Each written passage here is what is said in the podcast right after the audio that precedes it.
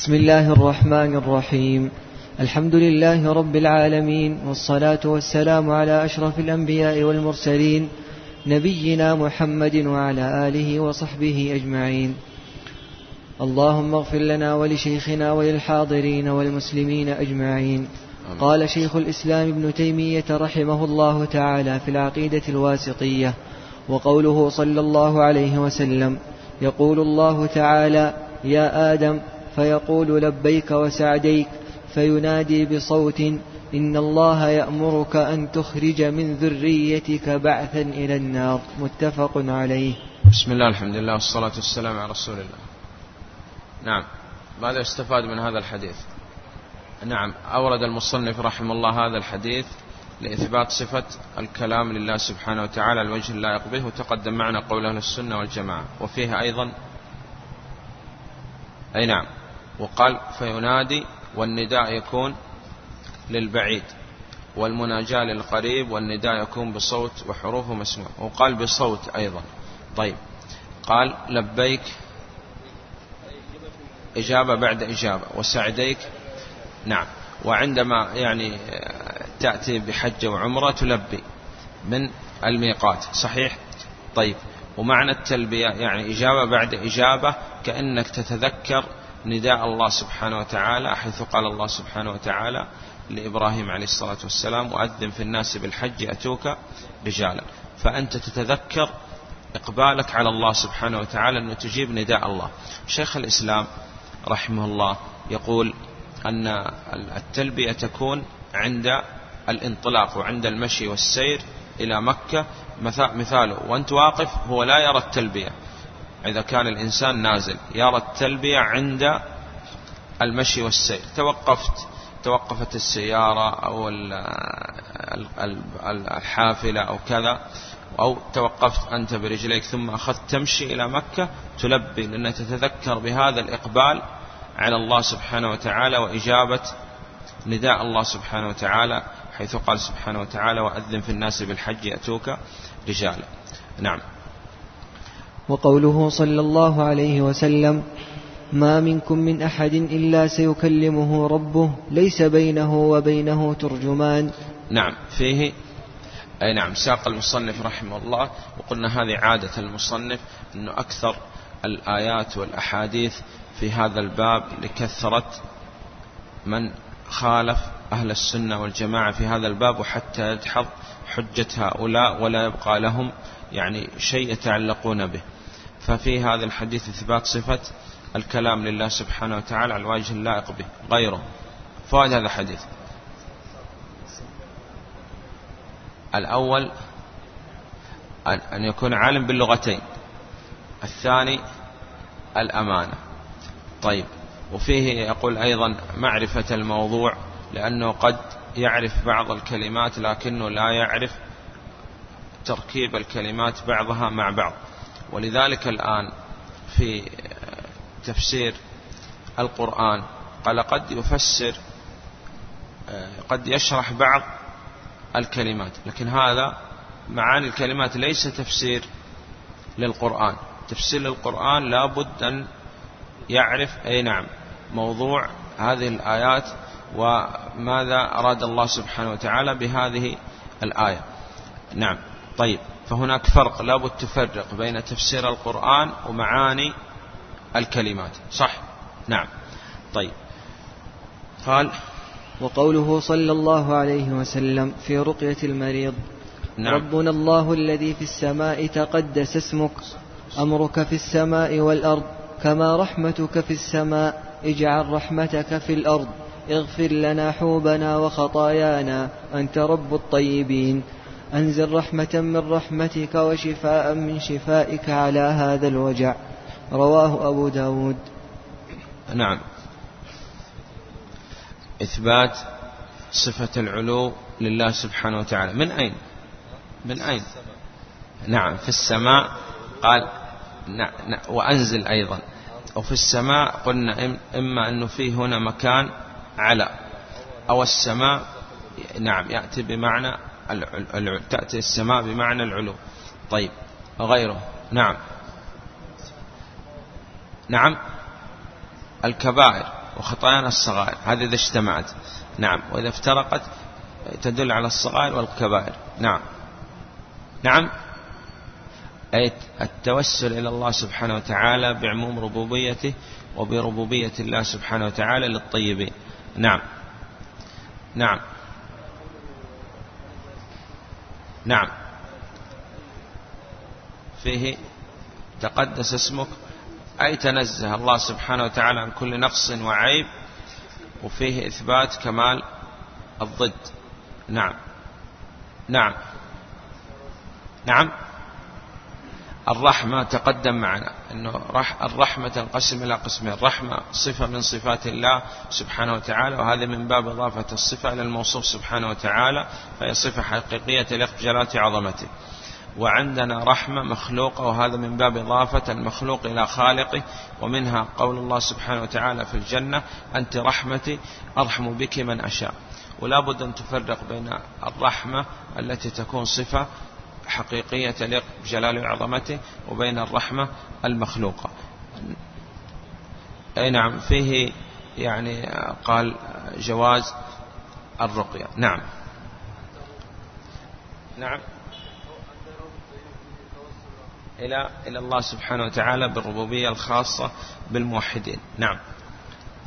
وقوله صلى الله عليه وسلم ألا تأمنوني وأنا أمين من في السماء؟ رواه البخاري وغيره. نعم. فيه نعم إثبات العلو لله سبحانه وتعالى والسماء هنا بمعنى العلو أو في مكان على. وفيه رد على الخوارج.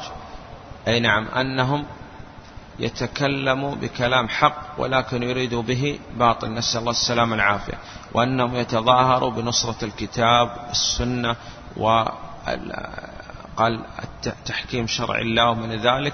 لكن هم في الحقيقة أبعد الناس عن الشرع يمرقون من الدين كما قال عليه الصلاة والسلام كما يمرق السهم من الرمية ولا بد الحذر منهم. طيب. نعم. أي نعم هذا تقدم معنا أنه لا يمكن أن يكون خروج بالسيف إلا لابد يسبق بخروج باللسان. وهذه طريقة أهل السنة والجماعة أنهم ها قال يأمرون بطاعة العلماء والأمراء في غير معصية الله سبحانه وتعالى وقال أنه مجرد الخروج بالكلام يزيد في هذا الأمر حتى يكون خروج بالسيف. نعم. وقوله صلى الله عليه وسلم والعرش فوق الماء والله فوق العرش وهو يعلم ما أنتم عليه. رواه أبو داود والترمذي وغيرهما. لماذا أورد المصنف رحمه الله هذا الحديث بعد الأحاديث التي فيها إثبات صفة العلو لله سبحانه وتعالى على الوجه اللائق به؟ نعم.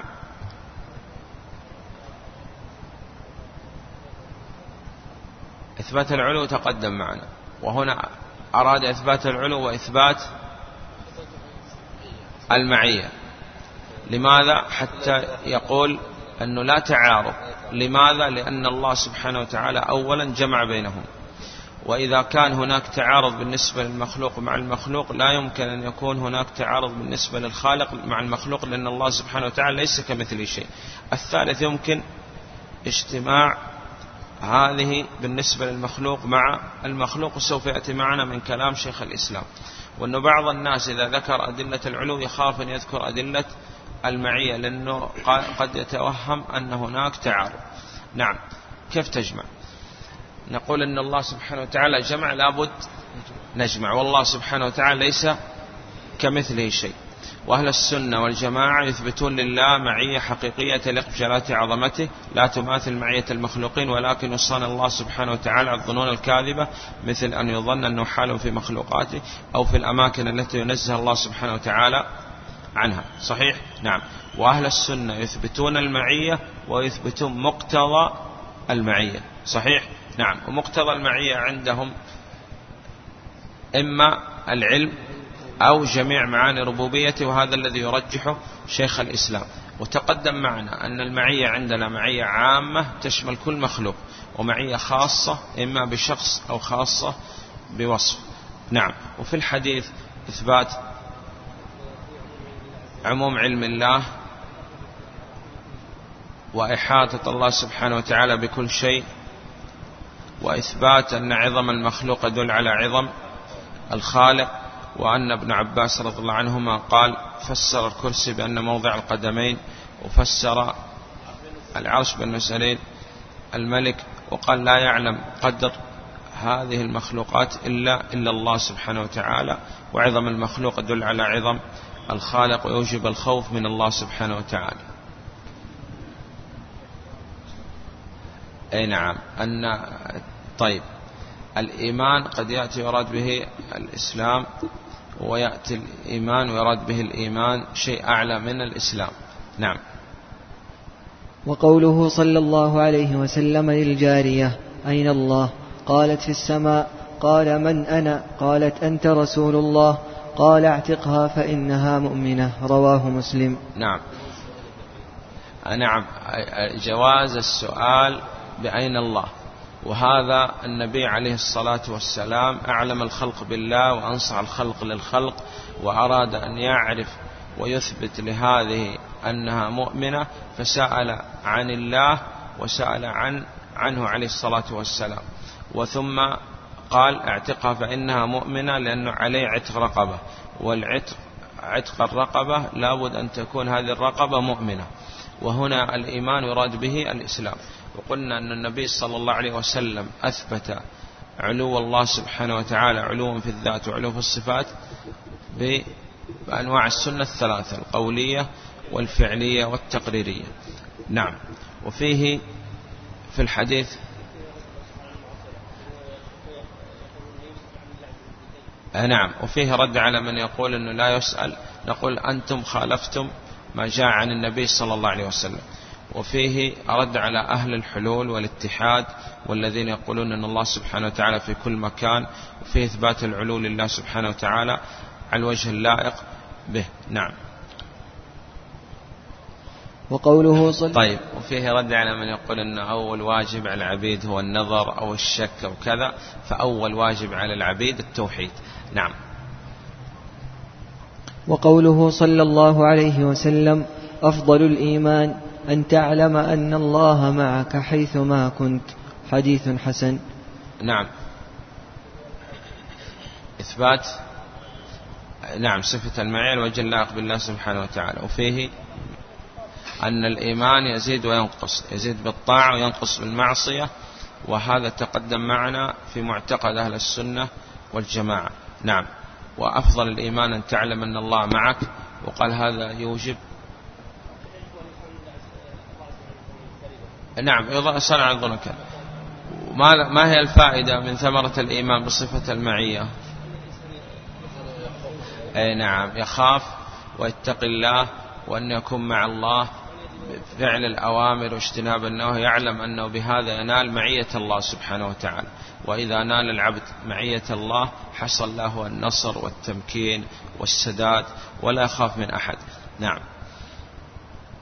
قال المصنف رحمه الله تعالى وقوله صلى الله عليه وسلم إذا قام أحدكم إلى الصلاة فإن الله قبل وجهه فلا يبصقن, فلا يبصقن قبل وجهه ولا عن يمينه ولكن عن يساره أو تحت قدمه متفق عليه. بسم الله الحمد لله والصلاة والسلام على رسول الله. آه هذا الحديث فيه أدب أن المصلي قال لا يبصق قبل وجهه. وأيضا ورد عن النبي صلى الله عليه وسلم أنه لا يبصق عن يمينه بل يبصق إما عن يساره أو تحت قدميه. هذا إذا كان يصلي في مكان فيه تراب أو كذا.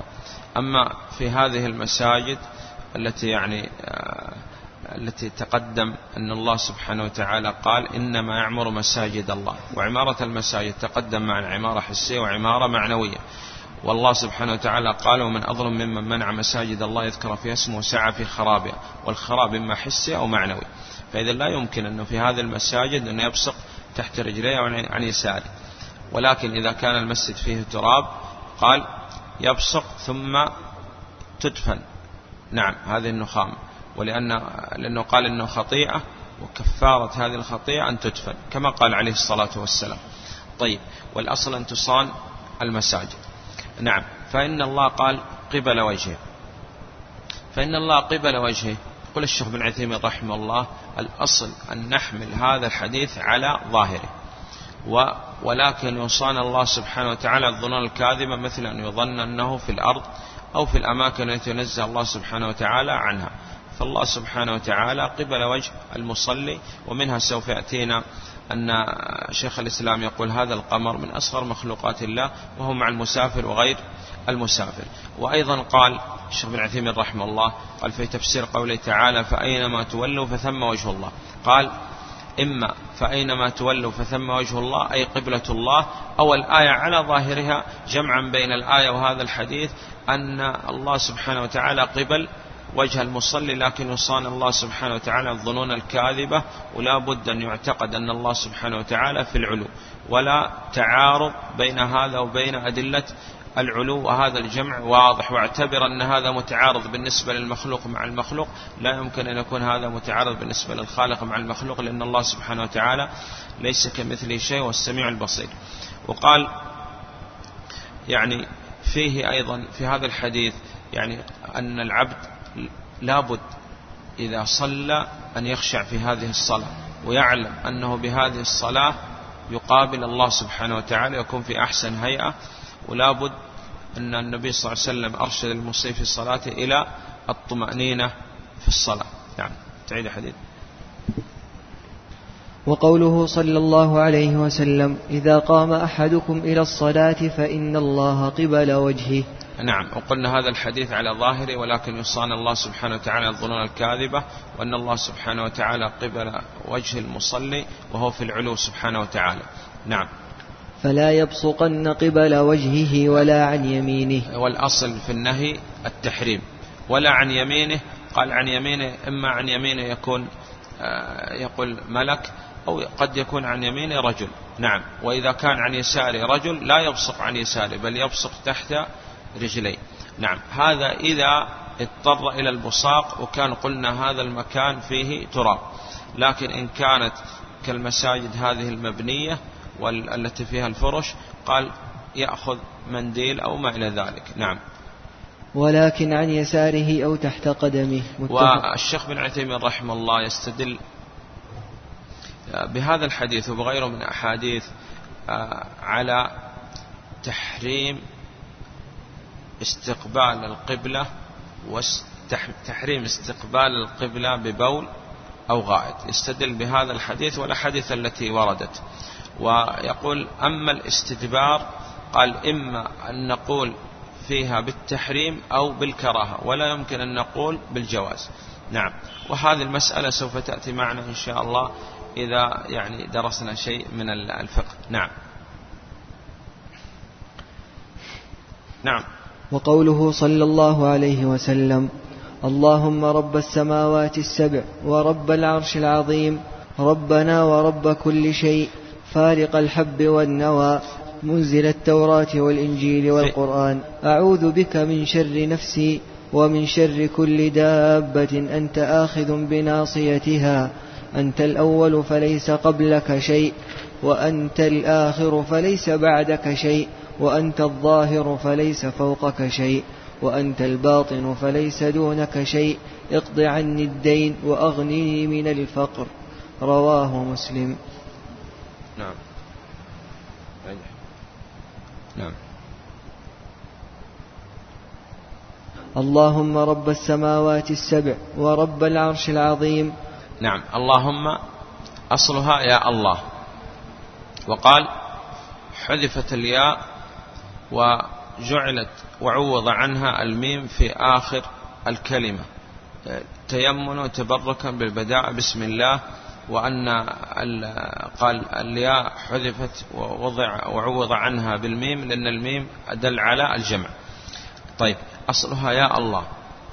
اللهم وتوسل إلى الله سبحانه وتعالى بعموم ربوبيته. رب السماوات السبع. نعم. وقلنا أن السماوات سبع والأراضين سبع.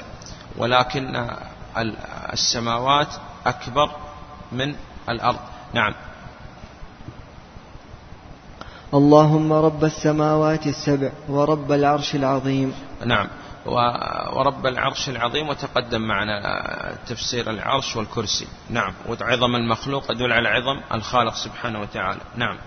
ربنا ورب كل شيء. نعم. وهذا عموم ربوبية الله سبحانه وتعالى لكل المخلوقات. نعم. فالق الحب والنوى. فالق الحب والنوى وأن الله سبحانه وتعالى تحدى هؤلاء قال فليخلقوا حبة أو ليخلقوا ذرة أو ليخلقوا شعيرة. نعم. فالله سبحانه وتعالى هو الذي فلق الحب والنوى. نعم. منزل التوراة والإنجيل والقرآن. فيه إثبات العلو لله سبحانه وتعالى وفيه إثبات أن الكتب المنزلة من السماء هي كلام الله سبحانه وتعالى حقيقة وفيه قال أن آه، أن القرآن وكذا وغيرها من الكتب منزلة لا مخلوقة إذا إثبات العلو وإثبات أنها كلام الله سبحانه وتعالى وأنها منزلة لا مخلوقة. نعم. منزل؟ منزل نعم. التوراة والإنجيل والقرآن. نعم. أعوذ بك من شر نفسي. أعوذ يعني التجع اتصل طيب. أعوذ بك من شر نفسي. وتقدم معنا أن النبي صلى الله عليه وسلم قال والشر ليس إليك. نعم. وظن بنفسك يقول ابن القيم السوء تجدها كذاك وخيرك المستحيل. نعم. أعوذ بك من شر نفسي. نعم. ومن شر كل دابة أنت آخذ بناصيتها. الدابة في اصطلاح الشرع هي كل ما يدب على وجه الأرض سواء كان من ذوات الأربع أم من غيرها.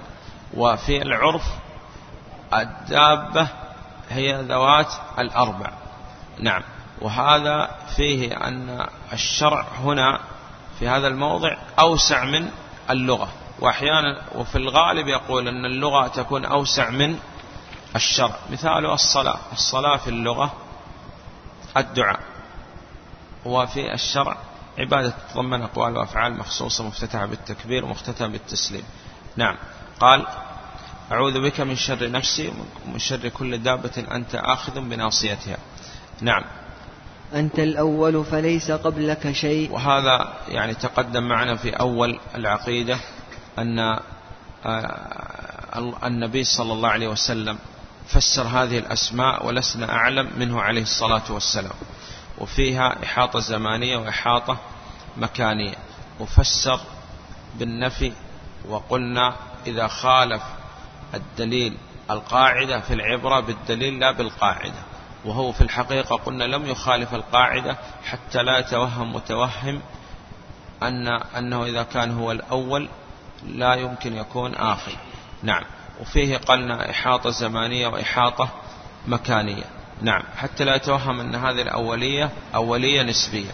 وسوف يأتي معنا إن شاء الله تعالى إذا قرأنا الطحاوية أنه عندما قال قديم قال يغني عنه أن نقول هو الأول والآخر ويصح الإخبار عن الله بالقديم لكن لا يمكن أن يوصف أو يسمى بالقديم وأولى منه أن تقول هو الأول والآخر. نعم. وهذا يأتي معنا إن شاء الله في الطحوية نعم. وأنت الآخر فليس بعدك شيء وأنت الظاهر فليس فوقك شيء وأنت الباطن فليس دونك شيء. اقض عني الدين وأغنني من الفقر. نعم وقال أنه يعني الأصل أن النبي صلى الله عليه وسلم استعاذ من الفقر. وهل يقول يطلب الغنى؟ قال لا يطلب الكفاف.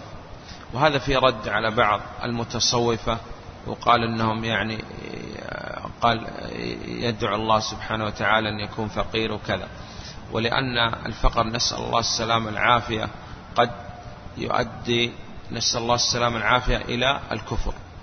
والنبي صلى الله عليه وسلم استعاذ من الفقر وقال بعض العلماء لو لم يأتي النبي صلى الله عليه وسلم بدليل على صدق نبوته عليه الصلاة والسلام قال سوى أنه كان عليه الصلاة والسلام يعني زهد في هذه الدنيا وترك ملاذ الدنيا وضيق عليه في عيشه وقال أن النبي صلى الله عليه وسلم لم يترك شيء ولم يورث شيء. وهذا دليل أن النبي صلى الله عليه وسلم أراد وجه الله سبحانه وتعالى. وهذا فيه قال أيضا يعني الإشارة إلى ما يجب أن يتحلى به طالب العلم القناعة والزهد. نعم. وهذا يعني آه، نكرر كثير لأنه ما تكرر تقرر ولا بد أن يكون هم الطالب. لا يعني أن يفكر في أمور الدنيا وكذا بل الأصل أن يفكر في أمور الآخرة. وقال آه، كيف تجمع بين هذا الحديث وبين قول النبي عليه الصلاة والسلام اللهم احيني مسكينا؟ يقول أنه هذا الحديث ضعيف على قول. وإن قلنا بصحة الحديث يقول شيخ الإسلام معنى المسكين هنا أي المتواضع. مفهوم؟ وهذا يكون الجمع بين هذا الحديث وبين الحديث الآخر. ودعا النبي صلى الله عليه وسلم دعا الله سبحانه وتعالى أن يكون عيش النبي صلى الله عليه وسلم كفاف. وقال عليه الصلاة والسلام في الصحيح ليس الغنى عن كثرة العرض. يعني كثرة العقارات والأموال وكذا ولكن الغنى غنى النفس. إذا تدعو الله سبحانه وتعالى بالكفاف. وهذا فيه أيضا إشارة إلى أن النبي صلى الله عليه وسلم بعث الله سبحانه وتعالى لنا يعلمنا كل شيء ومنه الدعاء. لأنه قد يدعو الإنسان بإثم أو بقطيعة رحم أو بكذا وهو لا يدري. فالأصل أنك تبحث عن أدعة النبي صلى الله عليه وسلم وتدعو بها. نعم. وقوله صلى الله عليه وسلم لما رفع الصحابة أصواتهم بالذكر أيها الناس اربعوا على أنفسكم. يعني ارفقوا بها. نعم. فإنكم لا تدعون أصم ولا غائبا وهذا الحديث فيه ما تقدم معنا من القاعدة عند أهل السنة والجماعة أن أهل السنة والجماعة في الصفات المنفية والسلبية ينفوا عن الله كما نفى عن نفسه وكما نفى عنه رسوله صلى الله عليه وسلم مع إثبات كمال الضد. فهذا الحديث فيه نفي وإثبات كمال الضد لأن النفي المحض ليس بكمال. فلو سألك سائل قال ما هو الدليل على هذه القاعدة؟ نقول الدليل قول النبي صلى الله عليه وسلم. آه طيب نعم. لا أصم ولا غائب. نعم. إنما تدعون سميعا بصيرا. إن الذين تدعونه أقرب إلى أحدكم من عنق راحلته. نعم. تقدم معنا هذا يعني إثبات السمع والبصر وإثبات القرب لله سبحانه وتعالى وتقدم معنا أن أهل السنة والجماعة يثبتون لله سبحانه وتعالى قرب حقيقي خاص بالمؤمنين. واتفقوا على إثبات القرب العام لاختلافهم في تفسير قوله تعالى ونحن أقرب إليه من حبل الوريد فقال فمن قال أن هذا القرب قرب للملائكة أثبت القرب الخاص وقال هذه الآية لا يوجد دليل على القرب العام. ومن قال هذه الآية أنها دليل للقرب العام لله سبحانه وتعالى على الوجه اللائق به أثبت القرب العام مع اتفاقهم على إثبات القرب الخاص. وأهل السنة والجماعة يثبتون القرب ومقتضى القرب كما أنهم يثبتون المعية مقتضى المعية وكما يثبتون الرضا مقتضى الرضا. نعم. في رواية سميعا قريبا؟ إيه؟ نعم. سميعا قريبا. نعم. إنما أقرب إلى أحدكم. إذا وهذا فيه النهي عن رفع الصوت بالذكر. والأصل أن الذكر لا يكون فيه جهر إلا ما ورد في الشرع الجهر بالأذكار. مثال قال التلبية في الحج والعمرة جاء فيها رفع الصوت بل قال عليه الصلاة والسلام أفضل الحج العج والثج. وكان الصحابة يرفعون أصواتهم حتى ذهبت أصواتهم وقال يعني ما ورد فيه الرفع الأصل أنك ترفع وما لم يرد فالأصل نعم الإسرار بالذكر. وهذا والنبي صلى الله عليه وسلم أنكر عليهم عندما رفعوا أصواتهم. نعم. إنما تدعون سميعا قريبا. إن الذين تدعونه أقرب إلى أحدكم من عنق راحلته. نعم. وقال أنه النبي صلى الله عليه وسلم كان يضرب للصحابة أمثلة محسوسة مشاهدة قريبة منهم. وهذا يعني فيه أن ما يقول بعض السلف من في قوله سبحانه وتعالى ولكن كونوا ربانين بما كنتم تعلمون الكتاب بما كنتم تدرسون قال الرباني الذي يربي الناس على صغار العلم قبل كباره. وبعض السلف يقول أنه الله سبحانه وتعالى لم يضرب مثل في القرآن لا يمكن الوصول إلى معناه. فكل مثال في القرآن يمكن الوصول إلى معناه وضرب الله سبحانه وتعالى لهم أمثلة في القرآن مثال قال بحيوانات يعرفونها الأسد وكذا صحيح؟ ولم يضرب لهم أمثلة بأشياء لا يعرفونها كالزرافة مثلا. ويقول كل مثال بعض بعض العلماء يقول كل مثال كل مثال في القرآن يمكن الوصول إلى معنى. إلا مثال ساقه الله سبحانه وتعالى للتنفير والترهيب. مثل قوله سبحانه وتعالى إنها شجرة تخرج في أصل الجحيم. إحنا ما نعرف الشجرة لكن ساق الله سبحانه وتعالى. هذا المثال للتنفير والترهيب. مفهوم؟ نعم. إذا وهذا فيه تقريب العلم بضرب الأمثلة. وهذا يعني هو هدي النبي عليه الصلاة والسلام وهذا جاء به القرآن. نعم. فلا مانع أن العالم يضرب أمثلة لكن في حدود الشرع. وهذا تقدم معنا في القريب الآن يعني ذكر بعض القصص وكذا إذا كان هذه القصص موافقة لما جاء في الكتاب والسنة ولم تكن هذه يعني دائما تكون عارضة هذه هي طريقة السلف. وهذا الذي جاء في الكتاب والسنة. لكن أننا نجعل القصص ونحكم بها على نصوص الكتاب والسنة حتى إن كانت تخالف ويجعل كل حديثه قصص كذا هذه ليست والله من طريقة السلف ورد عليهم شيخ الإسلام وغيره. نعم. وقوله صلى الله عليه وسلم إنكم سترون ربكم كما ترون القمر ليلة البدر لا تضامون في رؤيته فإن استطعتم ألا تغلبوا على صلاة قبل طلوع الشمس وصلاة قبل غروبها فافعلوا متفق عليه. نعم. آه، ساق المصنف رحمه الله هذا الحديث في إثبات رؤية المؤمنين لربهم يوم القيامة وفي الجنة على ما شاء الله سبحانه وتعالى. وقلنا أنه كل من أنكر الصفات في العادة ينكر رؤية المؤمنين لربهم وهذا سبب إرادة المصنف رحمه الله لهذا الأمر أنه يقال يقول كأنه يقول لك إذا كان الله سبحانه وتعالى يرى لابد أن تكون له صفات. وإذا أثبتنا الرؤيا معنى هذا أننا نثبت لله سبحانه وتعالى كل الصفات. نعم وهذا تقدم معنا. تعيد حديث وقوله صلى الله عليه وسلم إنكم سترون ربكم كما ترون القمر ليلة البدر. إذا شبه الرؤيا بالرؤيا للمرء بالمرء. ومثاله قال قول النبي عليه الصلاة والسلام أول زمرة تدخل الجنة في صورة القمر ليلة البدر. هل معنى هذا أنه أنهم يدخلون أحجار؟ قال لا. يعني في الوضاء والحسن. نعم. وهنا شبه الرؤيا بالرؤيا وأكد هذه الرؤيا أن رؤيا بصرية. نعم.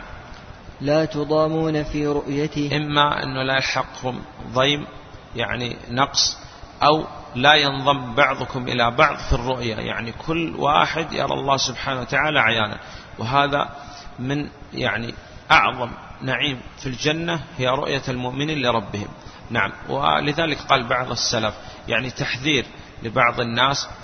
طبعا هذا لا يكون نوع من التألي لكن هذا التحذير حتى لابد يثبت ما أثبت الله وأثبت النبي صلى الله عليه وسلم. قال حري بكل من أنكر الرؤيا ألا يرى الله سبحانه وتعالى. لأن الله سبحانه وتعالى قال كلا إنهم عن ربهم يومئذ لمحجوبون.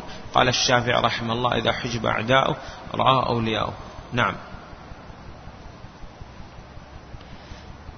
لا تضامون في رؤيته فإن استطعتم ألا تغلبوا على صلاة قبل طلوع الشمس وصلاة قبل غروبها. الصلاة قبل طلوع الشمس هي صلاة الفجر وقبل غروبها هي صلاة العصر. حافظوا على الصلوات والصلاة الوسطى صلاة العصر. وقرآن الفجر هو هي صلاة الفجر.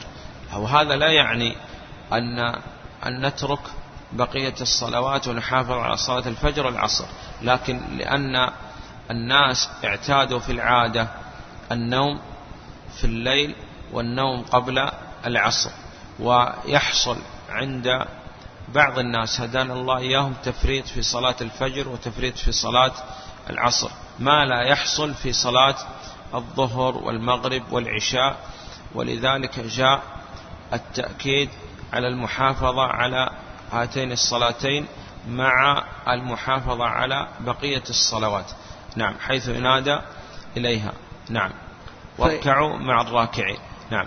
فإن استطعتم ألا تغلبوا على صلاة قبل طلوع الشمس وصلاة قبل غروبها فافعلوا. نعم وتقدم معنا قاعدة أن ذكر فضل الشيء لا يعني أن الشيء ليس بواجب. نعم. متفق عليه. نعم. إلى أمثال هذه الأحاديث التي يخبر فيها رسول الله صلى الله عليه وسلم عن ربه بما يخبر به. بما الله أعلم أنه عندنا في بعض النسخ بما يخبر به عليه الصلاة والسلام يعني لأنه عليه الصلاة والسلام مبلغ عن الله. وقلنا أنه شيخ الإسلام أراد أن يذكر لك شيء من الأحاديث. وعلى هذا تسير أنك تثبت كل ما أثبت الله سبحانه وتعالى لنفسه في القرآن وما أثبت له رسوله صلى الله عليه وسلم لأنه مبلغ عن الله سبحانه وتعالى. وعلى ما قال لك من الأحاديث الصحاح خرج به الأحاديث الضعيفة. وهذا الشيخ الإسلام يعيد لك بعض الأمور لأن ما تكرر تقرر تقدم وذكر لك هذا الأمر الذي سوف يذكر من غير تحريف ولا تعطيل في أول العقيدة وهو الآن يكرر هذا الأمر مرة ثانية وثالثة ولأن هذه هي طريقة القرآن. الله نزل أحسن الحديث كتابا متشابها مثال وكل ما تكرر يقول تكرر آه، تقرر. وقال أن التكرار يعلم الشطار. نعم. فإن الفرقة الناجية أهل السنة والجماعة يؤمنون بذلك. نعم أهل السنة والجماعة يؤمنون بذلك يعني بما جاء عن الله وما جاء عن الرسول عليه الصلاة والسلام من الأحاديث الصحيحة. نعم. كما يؤمنون بما أخبر الله به في كتابه من غير تحريف ولا تعطيل ومن غير تكييف ولا تمثيل. نعم وهذا تقدم معنا. نعم. بل هم الوسط في الفرق. بل هم الوسط في فرق الأمة نعم. كما أن الأمة هي الوسط في الأمم آه، نقف إلى هنا وإن شاء الله نكمل غدا بإذن الله تعالى لكن نريد منكم أن تبحثوا لنا عن أمور آه، هي عند أهل السنة والجماعة هم فيها وسط غير التي ذكرها الشيخ شيخ الإسلام في العقيدة الواسطية فذكر هنا وسطية أهل السنة والجماعة عموما وسطية أهل السنة والجماعة في أمور خمسة. فتبحث لنا عن أمور كان بها أهل السنة هم وسط في غير هذه الأمور الخمسة. والله أعلم. صلى الله على محمد وآله وصحبه وسلم. سبحانه.